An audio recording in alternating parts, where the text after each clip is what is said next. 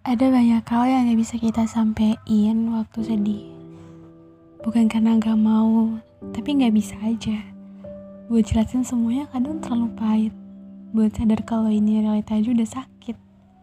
Kadang udah cukup sedihnya sendiri aja. Gak usah bagi ke orang yang lagi seneng.